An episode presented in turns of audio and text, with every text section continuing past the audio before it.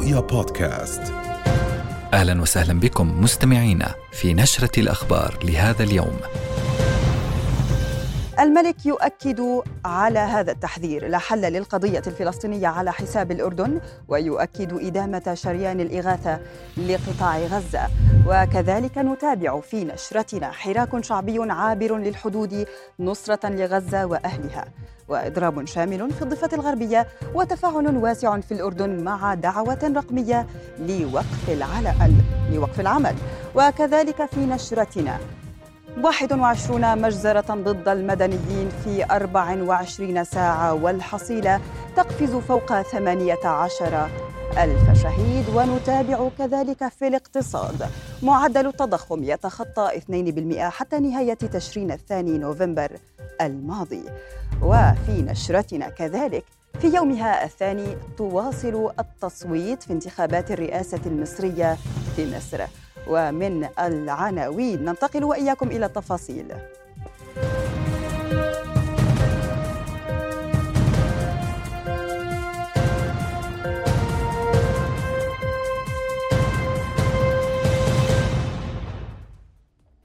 أهلا بكم. لا حل للقضية الفلسطينية على حساب الأردن العصي على محاولات التشكيك. هذا ما أكده جلالة الملك عبد الله الثاني اليوم لدى استقباله رؤساء هيئة الأركان المشتركة وعددا من مدراء الأجهزة الأمنية المتقاعدين. وأشاد جلالته خلال اللقاء في قصر الحسينية بتماسك الجبهة الداخلية داعيا إلى عدم الالتفات إلى الأصوات الساعية إلى إبعادنا عن خدمة الأشقاء والدفاع عنهم مؤكدا وقوف المملكة إلى جانب الشعب الفلسطيني في صموده على أرضه. وجدد جلالته المطالبة بوقف الحرب على غزة فورا وحماية المدنيين وإيصال المساعدات بشكل كاف ومستدام. للأهل في القطاع للتخفيف من الوضع المأساوي هناك. إلى ذلك أكد استمرار شريان المساعدات الأردنية إلى الأشقاء الفلسطينيين. ينضم إلينا الآن عبر الهاتف وزير الداخلية الأسبق مازن القاضي. أهلا بك. سيد مازن كنت أحد الشخصيات التي حظيت بلقاء الملك اليوم بقصر الحسينية. أهلا بك مجددا. إذا لن يكون هنالك أي حل للقضية الفلسطينية على حساب الأردن؟ تأكيد ملكي اليوم مع تصاعد مخاوف التهجير وتوسع الحرب. كيف تقرأ مضامين حديث جلالة الملك؟ حقيقة كان اليوم آه، تشرفت القيادات العسكرية والأمنية السابقة. للقاء ودي آه، بحضرة صاحب الجلالة القائد الأعلى للقوات المسلحة الأردنية. يعني حقيقة بدي أقول أنه سيدنا الله يطول عمره تحدث بطريقة ودية وبكل شفافية وبكل وضوح وصراحة متناهية عن مجمل التحديات وعما يجري وما جرى من أحداث في فلسطين بشكل عام وفي غزة بشكل خاص. إحنا بنعرف إنه سيدنا كان له جهود كبيرة وعظيمة ودؤوبة. كانت هذه الجهود متواصلة وكان له اتصالات على كافة المستويات لوقف نزيف آه، الدم آه، في غزة. وكان الاتصالات بالذات مع الجانب الأمريكي والجانب الأوروبي وكذا الأمر بالنسبة للجانب اللي هو بما يتعلق مع الأشقاء العرب. يعني سيدنا الله يطول عمره أبلغ المعنيين سواء الإسرائيليين أو الأمريكان أو حتى الأوروبيين بانه موضوع التهجير من الضفة الغربية إلى الأردن أو من غزة إلى مصر هذا موضوع خطر وخط أحمر ولن يسمح به الأردن مهما كلف الثمن وهذا الأمر آه، مرفوض بالنسبة للأردن جملة وتفصيلا وأبلغت كل أطراف المعادلة في المنطقة بهذا القرار الأردني آه، الصارم. أيضا تحدث سيدنا عن الجهود الأردنية والإمكانات المتاحة في الأردن اللي سخروها من أجل تقديم العون والمساعدة لاهلنا في غزة بالذات فيما يتعلق بالمستشفيات المعدات والأجهزة والمستلزمات الطبية الأغذية الأدوية والدور الكبير اللي قاعدة تكون فيه قواتنا المسلحة الباسله من أجل إيصال هذه آه، المعدات إلى الأهل في غزة. حقيقة سلاح الجو الملكي أبلى بلاء حسنا بذلك. وبالرغم من أنه آه، الجانب الإسرائيلي كان يرفض ذلك لكن تحت الضغط قبلت إسرائيل حتى إنه سيدنا كان يريد أن يذهب شخصيا مع أول طائرة ذهبت إلى غزة لكن ولي العهد حفظه الله ورعاه اصر إلا إنه هو اللي راح يذهب شخصيا وتم ذلك. سيدنا لا زال يجري اتصالات مكثفة مع فريق الإدارة الأمريكية وعلى راسهم الرئيس بايدن وسيدنا قاعد يضغط بكل ما أوتي من قوة من أجل وقف إطلاق النار وعدم تهجير أهل غزة سواء في الشمال أو الوسط إلى الجنوب أو حتى التفكير في تهجيرهم إلى الأراضي المصرية وأيضا جلاله سيدنا على اتصال شبه يومي مع الإدارة المصرية للتنسيق حيال هاي المواضيع وسيدنا يسر بيقول إنه لا يمكن الفصل ما بين شيء اسمه الضفة الغربية وغزة. أيضا سيدنا في من خلال حديثه ركز على شيء مهم جدا إنه المصلحة العليا للدولة الأردنية تتقدم على كل المصالح وإنه أمن واستقرار الأردن ومنعة الأردن هي قوة ومنعه لأهل فلسطين وإنه الأردن هي الرئة التي يتنفس منها أهل فلسطين، أردن قوي، أردن صامت، أردن منيع، أردن آمن ومستقر، هذا يعود بالنفع والفائدة على أهلنا فلسطين ويبقيهم أقوياء صامدين على أرضهم وعلى آه ترابهم، وهذا الشيء هو اللي راح يمنع التهجير من وإلى نعم سيد مازن. بوركت الجهود ولك منا جزيل الشكر السيد مازن القاضي وزير الداخلية الأسبق. شكرا لك جزيلا. تفاعل واسع شهدته دعوة عالمية للإضراب تضامنا مع أهالي قطاع غزة في وجه آلة الحرب الإسرائيلية وللضغط على الحكومات للتحرك بشكل جاد لوقف مجازر الاحتلال وجرائم الإبادة المتواصلة منذ أكثر من شهرين. في الأردن أغلقت العديد من المحلات التجارية في العاصمة عمان والمحافظات أبوابها اليوم تلبية لدعوات المشاركة في الإضراب العالمي الشامل وبدت شوارع العاصمة عمان والمحافظات شبه خالية وسط حركة مرورية ضعيفة. وكانت وكالة الأمم المتحدة لغوث وتشغيل اللاجئين الفلسطينيين الأونروا في الأردن قد أعلنت مشاركتها في الإضراب إذ أغلقت جميع منشآتها بما فيها المدارس التابعة لها. وتلبية للحراك العالمي شهدت مدن الضفة الغربية اليوم إضرابا شاملا احتجاجا على استمرار عدوان الاحتلال على قطاع غزة والانتهاكات بحق الفلسطينيين في الضفة الغربية في لوحة معبرة عن مدى التضامن مع الغزيين تحت وطأة الألم والحصار. لبت فلسطين بعاصمتها وكافة مدنها وقراها بالضفة الغربية نداء الإضراب العالمي والشامل. فأغلقت المدارس والجامعات والمحال التجارية أبوابها اليوم لمدة 24 ساعة. استجابة لمطلب الحراك العالمي لإضراب حول العالم تضامناً مع أهالي قطاع غزة. إضراب وحد الكرة الأرضية بأكملها تحت رسالة واحدة تهدف لوقف عدوان الاحتلال الصهيوني على قطاع غزة. ورفضاً لاستخدام الولايات المتحدة الفيتو ضد قرار لمجلس الأمن الدولي دعا إلى وقف فوري لإطلاق النار في غزة.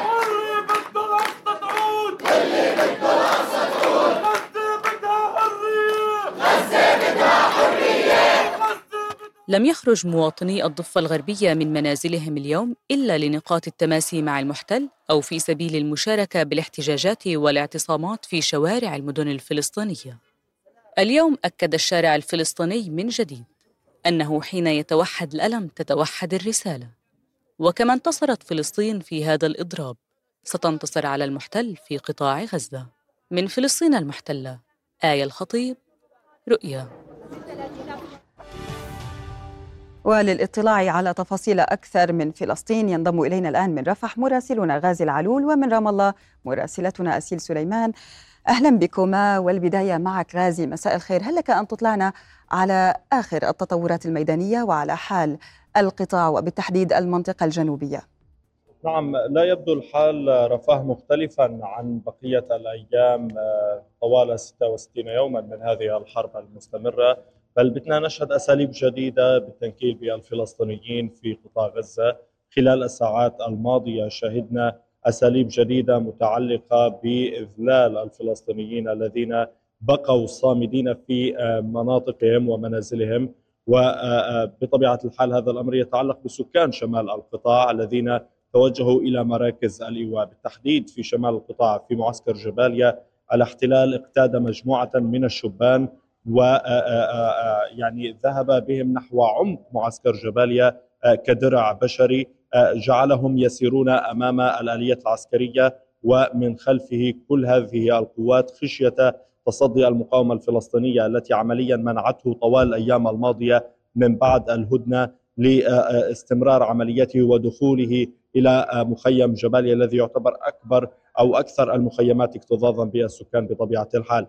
هذا الأمر كان قد تلاه مجزرة أخرى متعلقة بمستشفى كمال عدوان، هناك استهدفت الآليات العسكرية الإسرائيلية عددا من المرافق داخل المستشفى من بينها المنظومة المتعلقة بالمياه وهو الأمر الذي دفع طواقم المستشفى للجوء إلى المياه الجوفية كبديل مؤقت لمحاولة السيطرة على هذا الوضع بالنظر إلى وجود 65 مصابا داخل المستشفى وأيضا عشرة أطفال منهم داخل غرف العناية المكثفة وأيضا وجود ثلاثة ألاف نازح لا زالوا يتواجدون داخل المستشفى. كل نعم من يتحرك في الساحة يتم قنصه ويتم استهدافه بصورة مباشرة رفع. غازي بالنسبة لحركة أو الحراك الذي طالب بالإضراب اليوم كيف وصلكم إصداء أصداء هذا الإضراب وكيف تفاعل الغزيون كذلك مع فكرة الإضراب؟ يعني آه، رفاه ربما لم يكن لدى الفلسطينيين الوقت بين الموت والموت لمعرفة آه، مجريات هذا الإضراب خاصة وأن الأخبار منقطعة عن قطاع غزة بالنظر إلى استمرار انقطاع التيار الكهربائي عدم وجود إنترنت في غالبية المنازل وهذا الأمر بطبيعة الحال آه، نتيجة استمرار هذا العدوان على قطاع غزة. ولكن من عرف بهذا الإضراب وجه التحية لكل من قام به طالب بالمزيد من الإضرابات وطالب بان يكون هناك حراك فعلي على الأرض في محاولة للضغط على الاحتلال وعلى الولايات المتحدة الأمريكية من ورائه لإيقاف هذه الإبادة الجماعية التي يتعرض لها الفلسطينيين أو الفلسطينيون هنا في قطاع غزة. هم بحاجة بالفعل لنشاط مستمر مستدام للضغط بشكل أكبر على الاحتلال الإسرائيلي لإيقاف هذه المجزرة، هم يحيون كل مثل هذه آه، بطبيعة الحال الخطوات العملية على الأرض نعم يشجعونها آه، آه، يباركونها ويفضلون أن تكون مستدامة لأيام طويلة أو لفترات أطول. نعم غازي حفظكم الله ولك منا جزيل الشكر. غازي مراسلنا من غزة. شكرا لك. وأنتقل الآن إلى مراسلتنا من رام الله أسيل سليمان. أهلا بك أسيل. اذا هناك تطورات ميدانية رافقت هذا اليوم هل لك أن تجملي لنا التفاصيل؟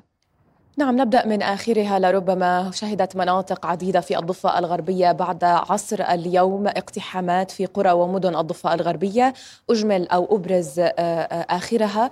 آه، قرية حسان غرب بيت لحم شهدت اقتحاما لقوات الاحتلال ما أدى لاندلاع مواجهات عنيفة بين الشبان من جهة وقوات الاحتلال من جهة أخرى. لم تبلغ حتى الآن الجهات الرسمية أو وزارة الصحة عن وقوع أي إصابات.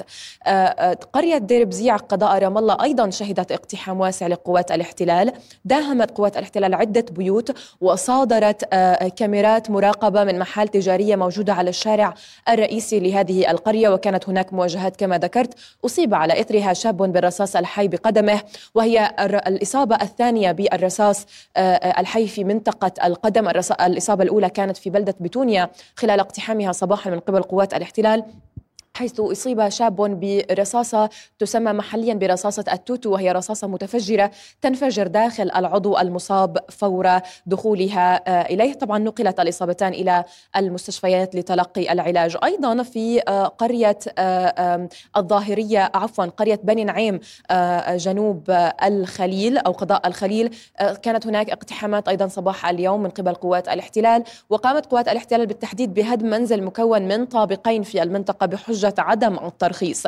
هيئة مقاومة الجدار والاستيطان قالت إنها آه، آه، رصدت في النصف الأول من عام 2023 أكثر من 256 حالة هدم من قبل قوات الاحتلال لمحال تجارية ومنشآت أيضا ومنازل بحجة عدم الترخيص. التراخيص نفسها التي ترفض قوات الاحتلال أو حكومة الاحتلال إعطائها السكان في مناطق معينة وأيضا آه، آه، حتى إن حاولوا الحصول عليها فهذا يستغرق يعني سنوات طويلة جدا وبالآخر آه، بالنهاية يعني لا يتم لا يسمح قوات أو تسمح قوات الاحتلال باستصدار هذه التراخيص أيضا في قرية أبو ديس قضاء القدس المحتلة كان هناك مواجهات بدأت واندلعت فور اقتحام قوات الاحتلال المدينة أو القرية قضاء القدس المحتلة. بالحديث عن هيئة الجدار والاستيطان وفي قرية قسرة تحديدا جنوب نابلس أو عقرب عفوا جنوب نابلس قامت قوات الاحتلال برفقة المستوطنين بمنع المزارعين من الوصول إلى أراضيهم الزراعية وجني محاصيل الزيتون من تلك نعم، المنطقة. نعم هيئة الجدار والاستيطان قالت إنها رصدت أكثر من 300 اعتداء من المستوطنين على أراضي المواطنين الزراعية وأنهم نعم. منعوا المواطنين الفلسطينيين من الوصول إلى مساحة أكثر من 500 ألف دنم من الأراضي الزراعية. نعم أسيل سليمان مراسلتنا من رام الله لك منا جزيل الشكر شكرا أسيل. في نابلس نفذت ناشطات تظاهرة نسائية إسنادا للمقاومة في قطاع غزة بالتزامن مع فعاليات الإضراب الشامل في عموم فلسطين. وعبرت المشاركات عن سخطهن على مستوى التحرك العربي والعالمي للوقوف في وجه آلة الحرب الإسرائيلية المتواصلة منذ 66 يوما في القطاع. ودعت المشاركات إلى أهمية الإضراب كسلوك تعبيري يعكس وحدة الأحرار في العالم ونداءهم بإيقاف الحرب في غزة. هذا اضراب عظيم يحمل رسالة هامة جدا وهو ابتدأ والدعوة له جاءت من دول العالم من أحرار العالم اللي على امتداد 66 يوم يقفون إلى جانب الشعب الفلسطيني في نضاله وإلى جانب بطولاته وإلى جانب المقاومة ويطالبون بصوت عالي وقف هذه المجزرة ووقف إطلاق النار. هم مسير عبر مسيراتهم شبه المليونية. بكافة عواصم العالم بما فيها عواصم الدول الشريكة في هذه المجزرة آه، نعم يطالبون بوقف إطلاق آه، النار والنصر للشعب الفلسطيني. إلى آخر أخبار الاقتصاد مع حمدان عايش. مساء الخير حمدان. مساء الخير رفع.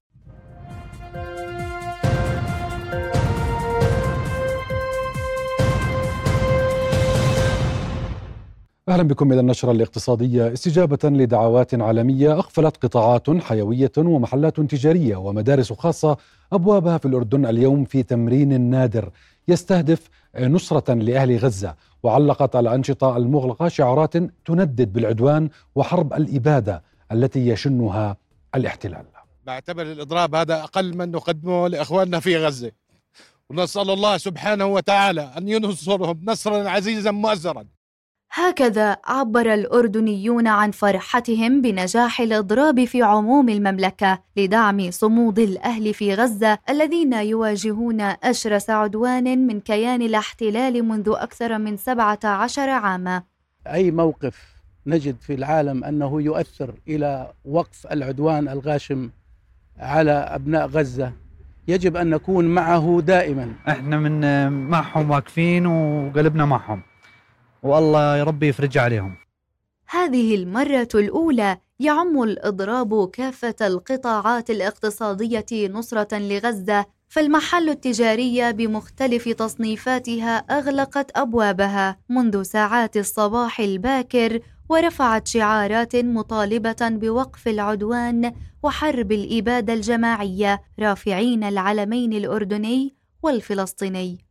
طبعا الاضراب معروف مشان دمنا الاخواننا الفلسطينيين آه، في غزة في فلسطين. يعني هاي هاي إحنا إحنا نعاني كما هم يعانون صراحة. أنا بأيد ومع الإضراب إنه يكون هذا الإضراب يعني شامل. حتى أقول لك إذا كان بإمكان كمان إنه يمدد برضه أحسن وأحسن لأنه هذا نصرة لاهلنا بغزة يعني. وواجب على كل آه، إنسان هون ووطني إنه يتفاعل مع القضية الفلسطينية. ويعبر عن رأيه واللي هو يعتبر يعني آه، شيء قليل بالنسبة آه، للي بيقدموه آه، شهدائنا بغزه. الشوارع المؤدية إلى المحل التجارية بدت خاوية والمحلات مغلقة والمشاركون بالإضراب رفعوا شعارات مساندة كتبوا عليها لاجلك يا غزة. إحنا بنشتغل على التطبيقات الذكية تمام؟ اليوم حركة خفيفة جدا على طلاب الجامعة وعلى الموظفين وطلاب المدارس حركة خفيفة جدا جدا. إحنا بالنسبة لنا الإضراب هذا آه، حبينا نسوي هاي الخطوة بس عشان آه، نوصل رسالة للعالم ونبين إنه إحنا آه، متجمعين إن شاء الله وتأييدنا شعبي كامل بنصرة أهلنا في غزة. وفي جانب المبادرات الفردية وجد صاحب مخبز في إربد طريقة جديدة للتعبير عن تضامنه. بتوزيع وجبات عن أرواح الشهداء. اليوم إحنا فتحنا بطريقة مختلفة عن باقي المحلات. آه، اليوم إحنا فتحنا بنوزع آه، وجبات آه، عن روح شهدائنا في غزة للفقراء والمساكين ولعمال المواط... عمال الوطن وللعمال الميامة الأردن كان الأعلى في المشاركة في يوم الإضراب العالمي الشامل من أجل غزة. بحسب وزير الاتصال الحكومي والناطق باسم الحكومة مهند بيضين الذي اقترح تخصيص يوم عمل دعما لغزة بدلا من الإضراب. للاطلاع أكثر على واقع الإضراب الواسع حتى الساعة تنضم إلينا شبكة مراسلين من الخليل محمد العدم ومن عمان يوسف أبو رمان والزرقاء محمد أبو علوان. أهلا بكم. نبدأ آه، مع مراسلنا محمد العدم. محمد آه، كيف هي الأوضاع في هذه اللحظة؟ هل الإضراب ما زال مستمرا؟ وكيف تفاعل الشارع معه؟ نعم حتى هذه اللحظة ما زال الإضراب مستمرا في مراكز المدن الفلسطينية وبالتحديد في محافظة الخليل التي أعلنت عن التزامها الكبير. هذه المحافظة التي تعتبر عصب الاقتصاد الفلسطيني أعلنت عن التزام منذ ساعات الصباح وما زالت مستمرة حتى هذه اللحظة. الإضراب شمل كافة القطاعات في المحافظة بما ذلك المخابز ومحطات الوقود لأول مرة تنضم إلى الإضراب في العدوان المتواصل على أهلنا في قطاع غزة. يعني الإضراب شل الحركة المشاركة في محافظة الخيل وكرها بشكل كبير. آه، كما ذكرت انضم أصحاب المخابز وانضم آه، أصحاب محطات الوقود لأول مرة آه، يكون هذا الإضراب بهذا الشكل. إضراب حديدي نصرة لأهلنا في قطاع غزة رفضا للمجازر المتواصلة بحق أبناء الشعب الفلسطيني سواء في الضفة الغربية أو في قطاع غزة. عشرات الشبان تجمهروا في وسط الشارع العام رددوا الهتافات الداعمة للمقاومة والمؤكدة على حق الشعب الفلسطيني بحقه بالحرية وبإيصال رسائله بكافة الوسائل الوسائل والأساليب المتبعة. كما ذكرنا محافظة الخليل تشكل آه، المحافظة الأولى اقتصاديا وفيها المئات من المنشآت والمئات من المصانع كلها أغلقت هذا الصباح والتزمت بالإضراب الحديدي فيما أغلقت المحلات التجارية بكافة أشكالها وأصنافها أبوابها حتى محلات الخضار. وكما ذكرنا المخابز ومحطات الوقود أغلقت أبوابها بشكل كامل مما تسبب في شل الحركة والالتزام بالإضراب لأول مرة. في الإضرابات السابقة الماضية كان هناك نوع من آه، عدم الالتزام بشكل كامل لكن محافظات الوطن هذا اليوم أثبتت التزامها بشكل كامل والتزام حديدي نعم شمل محمد. كافة القطاعات نعم. الحكومية والخاصة والتربوية. نعم محمد آه، العدم مراسلنا كنت معنا من محافظة آه، الخليل. شكرا جزيلا لك. ننتقل إلى مراسلنا يوسف أبو رمان من تلع العلي في عمان. كيف هي الصورة لديك الآن؟ وكيف تفاعل الأردنيون مع هذه الدعوة؟ أو مع هذا الإضراب؟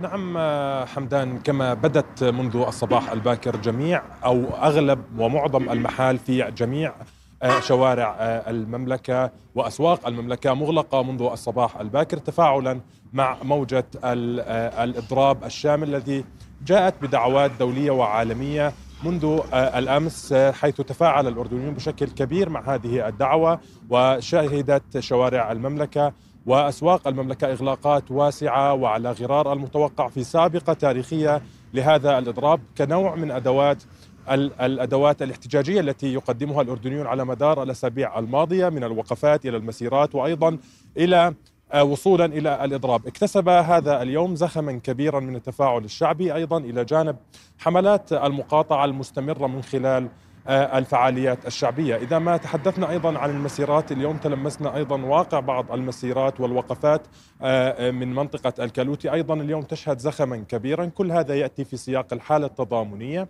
آه، جميع المحال هنا تقريبا في منطقة تلاع العلي مغلقة المطاعم. باستثناء المخابز وبعض السوبر ماركت والعيادات جميع هذه المحلات ما زالت مغلقة منذ الصباح الباكر.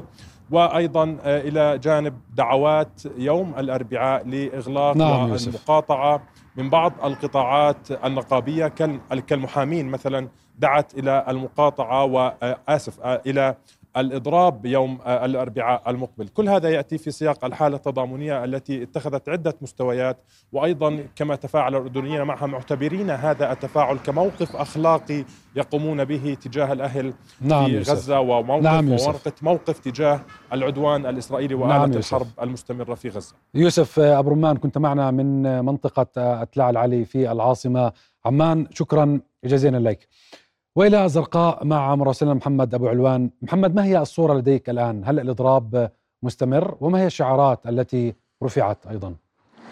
آه نعم حمدان يعني محافظة الزرقاء كباقي محافظات المملكة استجابت لهذا الإضراب وهذا التوقف عن العمل كليا منذ ساعات الصباح الباكر. حتى المحال التجارية التي فتحت أبوابها في ساعات الصباح الباكر عادت وأغلقت أبوابها ظهرا آه استجابة لهذا الإضراب وهذا التوقف عن العمل وأيضا للالتحاق في ركب المشاركين الذين شاركوا في هذا الإضراب. أنا متواجد الآن في شارع الكرامة وهذا الشارع من أهم الشوارع الحيوية في محافظة الزرقاء. جميع المحال التجارية فيه المقاهي والمطاعم ومحال الملابس وأيضا في الوسط التجاري شارع السعادة وشارع الملك عبد الله وكافة الشوارع التجارية أغلقت أبوابها بشكل كامل. هنالك شعارات عدة رفعها هؤلاء الناس على أبواب محالهم. كان أبرزها أن أي شيء شخصي نخسره مقابل الإبادة الجماعية التي يتعرض لها الأهل في غزة هي لا تساوي شيء. في الحقيقة يعني حمدان كان أيضا هنالك قبل قليل وقفة تضامنية مع قطاع غزة نظمتها فعاليات شعبية ومجتمعية وشبابية تندد بجرائم الاحتلال في غزة وتطالب بوقف الحرب في غزة. يعني حركة السير حتى في هذا الشارع عادة ما تكون هنالك أزمة سير خانقة في هذا التوقيت لكن اليوم الحركة انسيابية وطبيعية جدا وجميع المحال استجابت يعني نعم هذه محمد. الدعوات التي تأتي في إطار الإضراب الشامل واستجابت محمد. لكل هذه المطالب وتوقفت عن العمل بشكل كلي نعم محمد أبو علوان مراسلنا من الزرقاء شكرا جزيلا لك كنا مع شبكة مراسلين لتغطية الإضرابات الواسعة التي عمت فلسطين والأردن.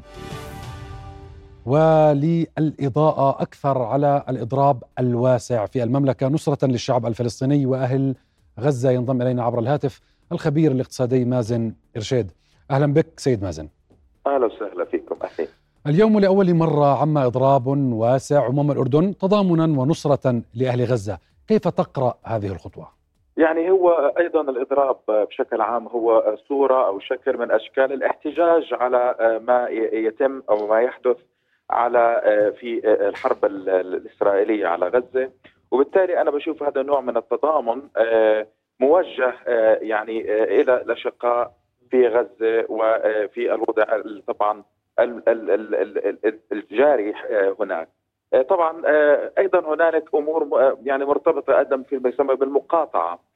ولو اعتبرنا أنه هذا أيضا جزء من المقاطعة مقاطعة الشعبيه للسلع الداعمة أو المنتجة من قبل دول داعمة للاحتلال الإسرائيلي. لذلك أنا ممكن أشوف هذا يعني خلينا نقول شكل من أشكال التضامن لشعب غزة والشعب الفلسطيني بطبيعة الحال. ولو إنه بيأخذ شكل مثل ما ذكرنا شكل رمزي بشكل عام لأنه قصير الأجل يستمر لمدة يوم. المقابل هنالك مقاطعة طويلة الأجل بدأت منذ يعني خلينا نقول بداية الشهر الشهر الماضي وهي يعني نفسها أطول وأيضا نعم. تركز بشكل أكبر على السلع المنتجة من الدول نعم. داعمه سيد مازن اليوم الحال. اليوم السلاح الاقتصادي كان الحاضر في التعبير عن نصرة أهل غزة بإضراب المحال التجارية، ما هي الرسالة التي يمكن أن يوجهها القطاع الخاص وأصحاب العمل للعالم؟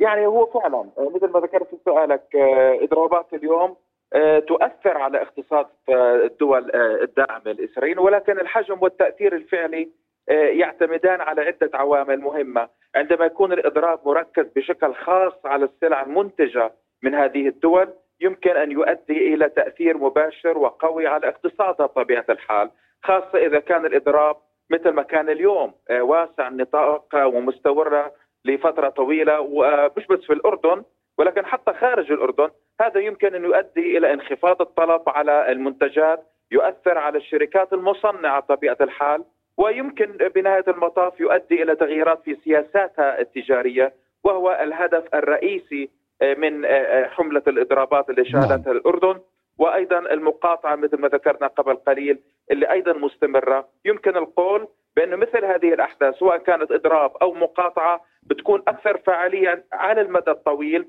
المقاطعة تستهدف بشكل مباشر السلع والخدمات سواء يعني من الدول الداعمة لدولة الاحتلال نعم. وهذا يجعلها طبعا أكثر تحديدا وفعاليه. طيب، سيد الإضرابات على الرغم من أهميتها كأداة احتجاج في رأيي قد لا تفرق بين السلع المحلية وتلك المستوردة لكن يقلل من تأثير المباشر على هذه الدول نعم. أنا آه، بفضل إنه الاستمرار في المقاطعة بشكل أكبر آه، لأنها تركز أكبر على السلع آه، دول المنتجة من دول داعمه لدولة نعم. سيدي وزير الإعلام اقترح تخصيص يوم عمل نصرة لغزة بدلا من الإضراب.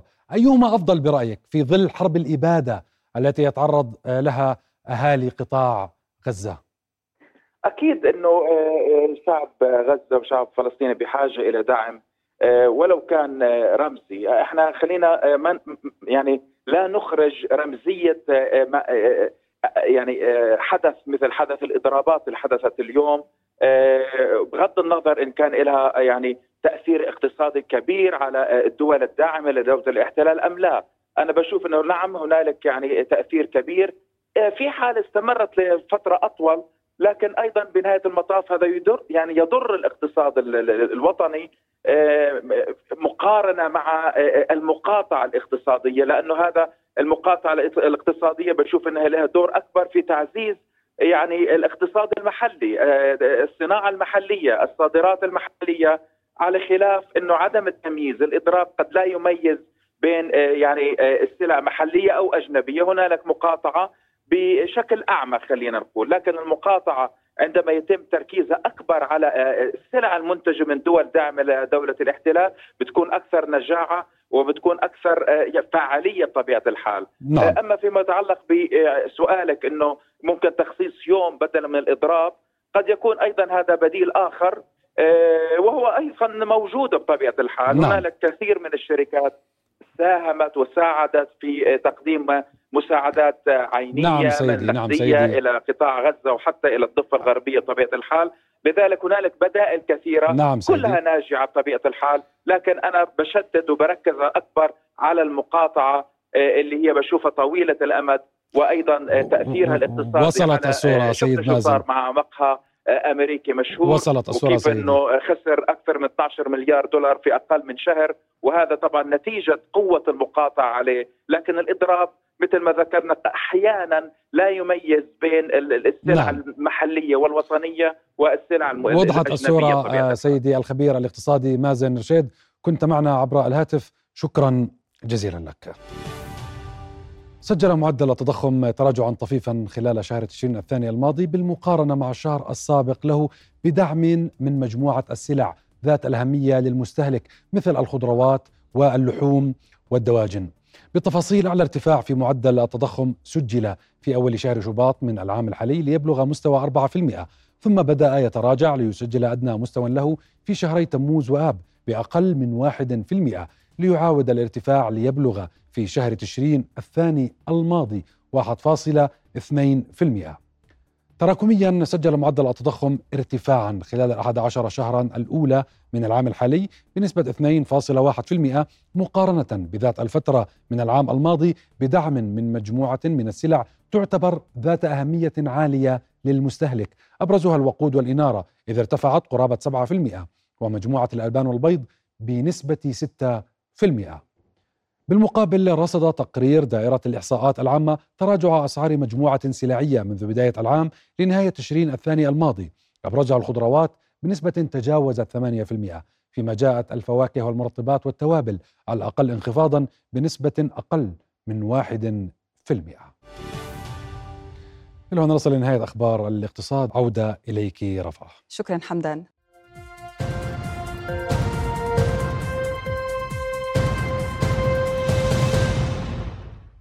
أهلا بكم من جديد. واصل الاحتلال الإسرائيلي مجازره بحق المدنيين لليوم السادس والستين مستهدفا مراكز إيواء ومدارس ومنازل وبنى تحتية لترتفع حصيلة الشهداء إلى 18205 إضافة إلى 50 ألف جريح.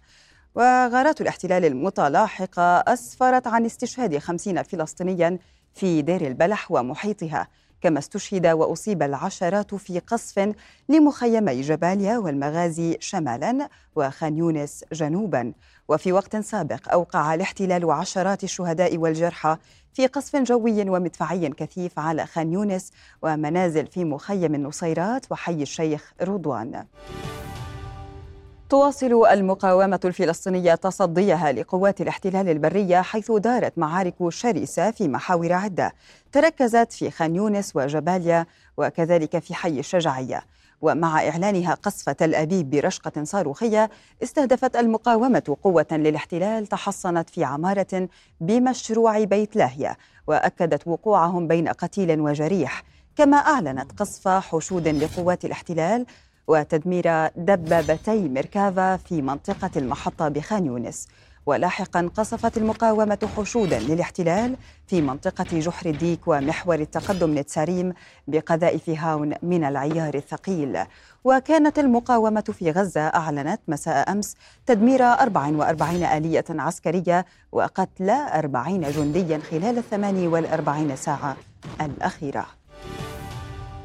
تتوالى خسائر جيش الاحتلال الإسرائيلي البشرية مع محاولته التوغل في أكثر من محور بالقطاع. آخرها إعلانه مقتل ثلاثة من جنوده في معارك خان يونس. بينهم ضابطان في قوات الاحتياط وأربعة آخرون أعلن عن مقتلهم في غزة. لترتفع حصيلة قتلاه إلى 434 منهم 110 منذ بدء العملية البرية.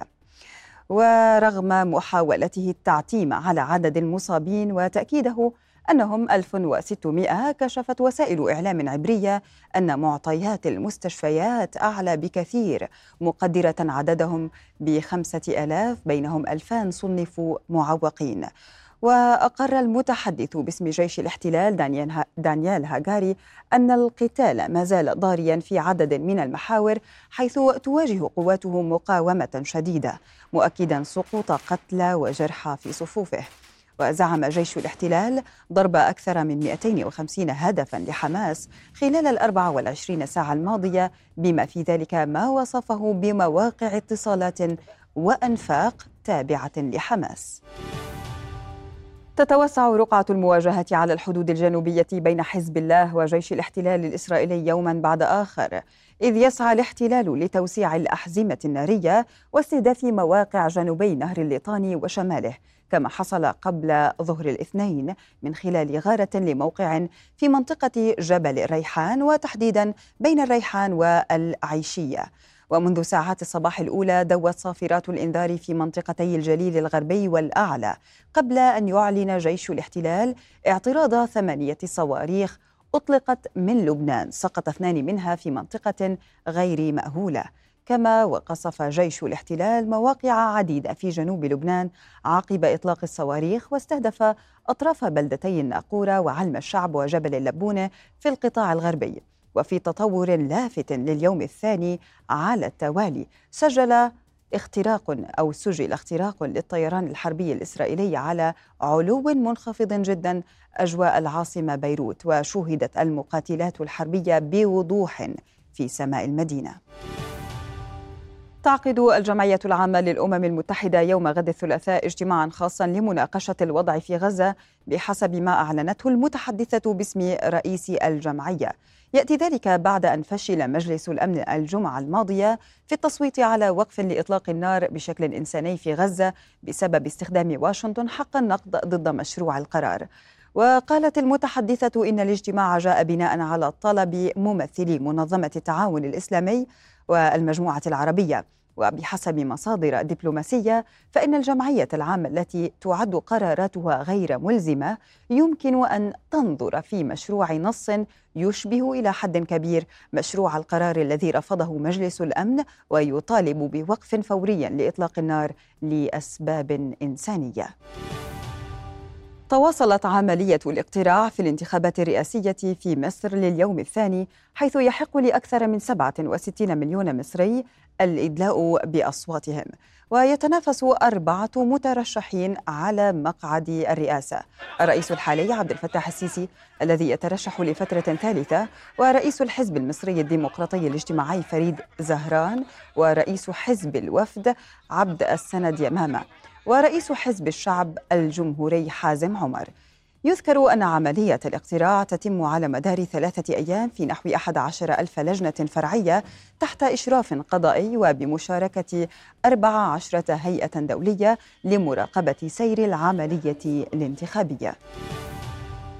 محليا أطلق مركز أمن إربد الغربي والشرطة المجتمعية مبادرة التفاحة الحمراء للتبرع بالدم لصالح مرضى التلاسيميا في مستشفى الأميرة رحمة التعليمي للحد من تأخر مواعيد علاج المرضى بسبب نقص وحدات الدم. أنا أم محمد بكار أم مرضى خمسة ثلاسيميا وبنتي بنت منهم توفت توجيهي إلها خمس شهور. وإحنا بنعاني من نقص بالدم وبصعوبات بالوظيفة. ابني محمد مريض ثلاسيميا عمره 27 سنة. تعكس قصة أم محمد. واقع الصعوبات والتحديات التي يواجهها مرضى الثلاسيميا في المملكة.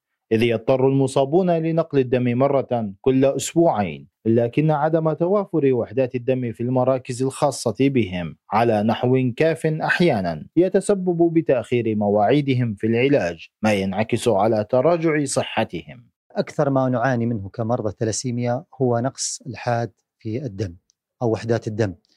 وبنعاني منه أكثر شيء كمان برمضان يعني خلينا نقول شهر رمضان بيكون النقص حاد جدا.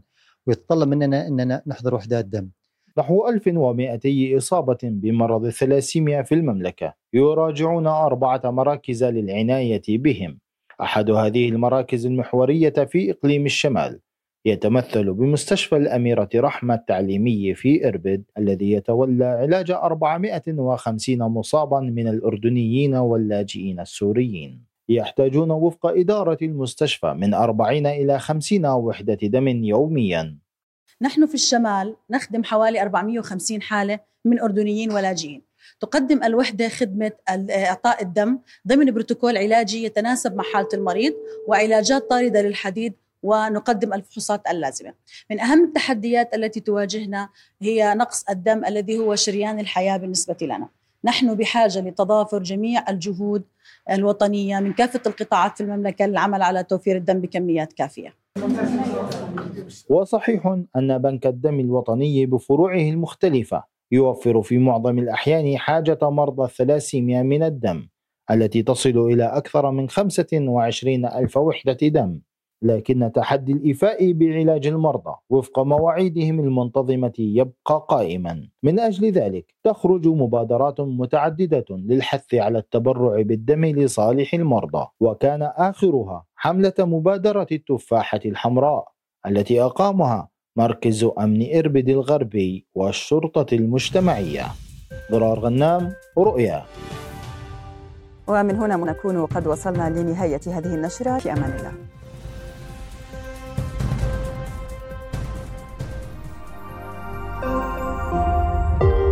رؤيا بودكاست